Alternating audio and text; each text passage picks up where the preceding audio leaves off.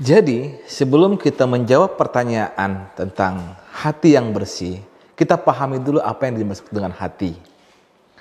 Kalau yang dimaksud dengan hati adalah organ tubuh manusia, hati itu adalah posisinya di sebelah kanan.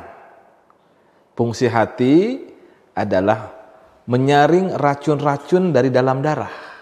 Jadi kita yang sudah dewasa ini Tadinya hatinya itu berwarna merah.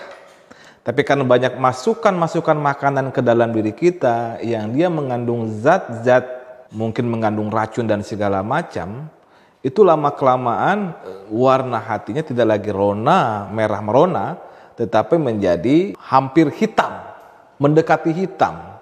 Yang dalam bahasa Arabnya adalah liver atau lever. Bahasa maaf, bahasa Inggrisnya adalah lever. Sedangkan bahasa Arabnya adalah kibdun atau kibdatun. Bahasa Amiyahnya adalah kabid. Di suku Arab kalau habis korban itu biasanya minta dagingnya daging ati. Dia bilangnya apa? Kabid, kabid. Anak mau minta kabid. Boleh deh kepala buat ente, tapi buat kabidnya buat aneh. Nah gitu. Nah ini hati liver dalam bahasa Arab adalah kibd.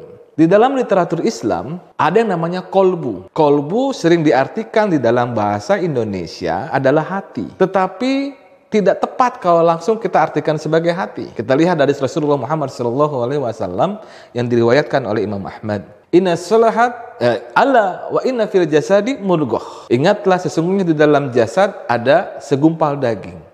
Ida saluhat saluhal jasadakuluh. Apabila sehat, maka sehat seluruh tubuh. Wa idza fasadat fasada jasadakullu apabila rusak maka rusak seluruh tubuh. Ala wahyal kolbu segumpal daging itu adalah kolbu. Kita lihat kamus bahasa Arab. Kolbu dalam bahasa Arab, kolbu yang demikian itu adalah jantung, bukan hati.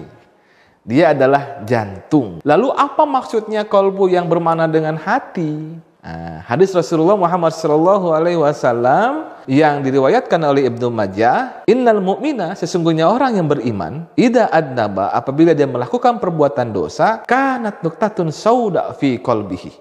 Maka ada nukta hitam di dalam kolbunya ada bercak hitam di dalam kolbunya. Satu perbuatan dosa, satu bercak hitam. Dua perbuatan dosa, dua bercak hitam. Semakin banyak perbuatan dosa, semakin banyak bercak hitamnya. Nah, inilah yang dimaksud di dalam bahasa kita, bahasa Indonesia, hati nurani.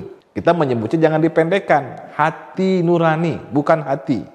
Sebab beda antara mata dengan mata kaki. Kalau mata ada di kepala kita, kalau mata kaki ada di bawah. Hati dengan hati nurani berbeda. Hati adalah organ tubuh yang tadi menyerap racun-racun dari dalam darah, sementara hati nurani itu ada di dalam ruh, di dalam spirit kita. Di mana spirit itu merupakan inti daripada ruh kita. Nah, karena kolbu ada di dalam spirit ada di dalam ruhaniyah, kolbu yang kita artikan tadi hati nurani ada di dalam ruh, maka hati nurani ini harus senantiasa kita bersihkan. Agar apa? Agar kita mampu menerima nur-nur cahaya dari Allah Subhanahu wa taala. Dalam Al-Qur'an, A'udzubillahi minasyaitonirrajim, saya kutip salah satu di dalam ayat yang panjang itu, Wa'lamu annallaha yahulu baina mar'i wa qalbi. Ketahuilah olehmu bahwa sesungguhnya Allah Subhanahu wa taala berkomunikasi, berinteraksi dengan manusia melalui kolbunya, melalui hati nuraninya. Nah, di dalam kolbu, di dalam hati nurani ada banyak fungsi. Ya.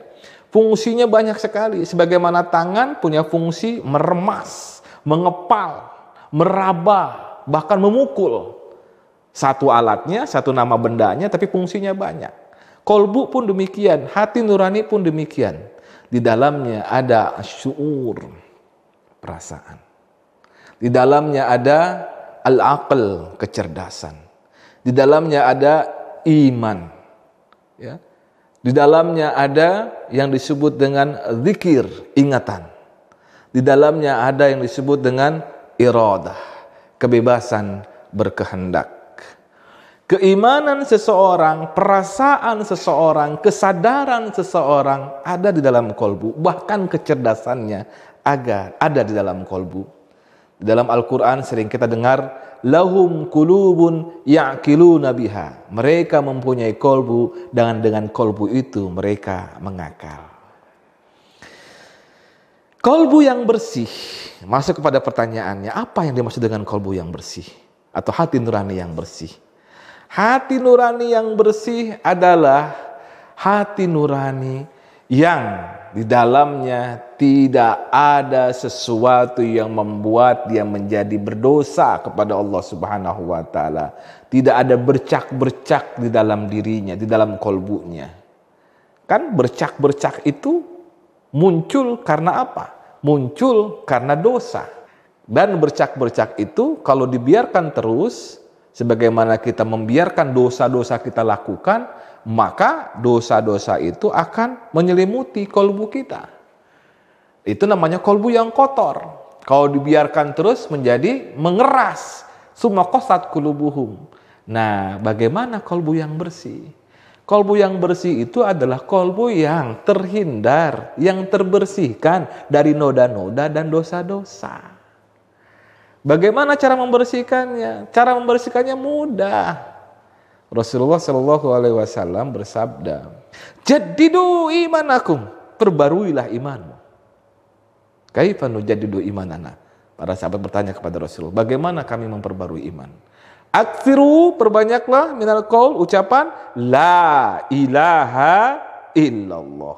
Perbanyak ucapan la ilaha illallah untuk memperbarui iman. Kalau kita terbiasa melakukan pembaruan kepada iman kita, maka yang terjadi kolbu kita menjadi terjernihkan. Kolbu kita menjadi terbersihkan. Kenapa? Karena iman kita menjadi terbarui. Ini benang merahnya ada dalam Al-Quran. A'udhu billahi minasyaitonirrajim. Ala bidzikrillahi tatmainnul qulub. Ingatlah dengan berzikir kepada Allah akan menentramkan kolbu. Kolbu yang jernih adalah kolbu yang terhindar dari dosa-dosa.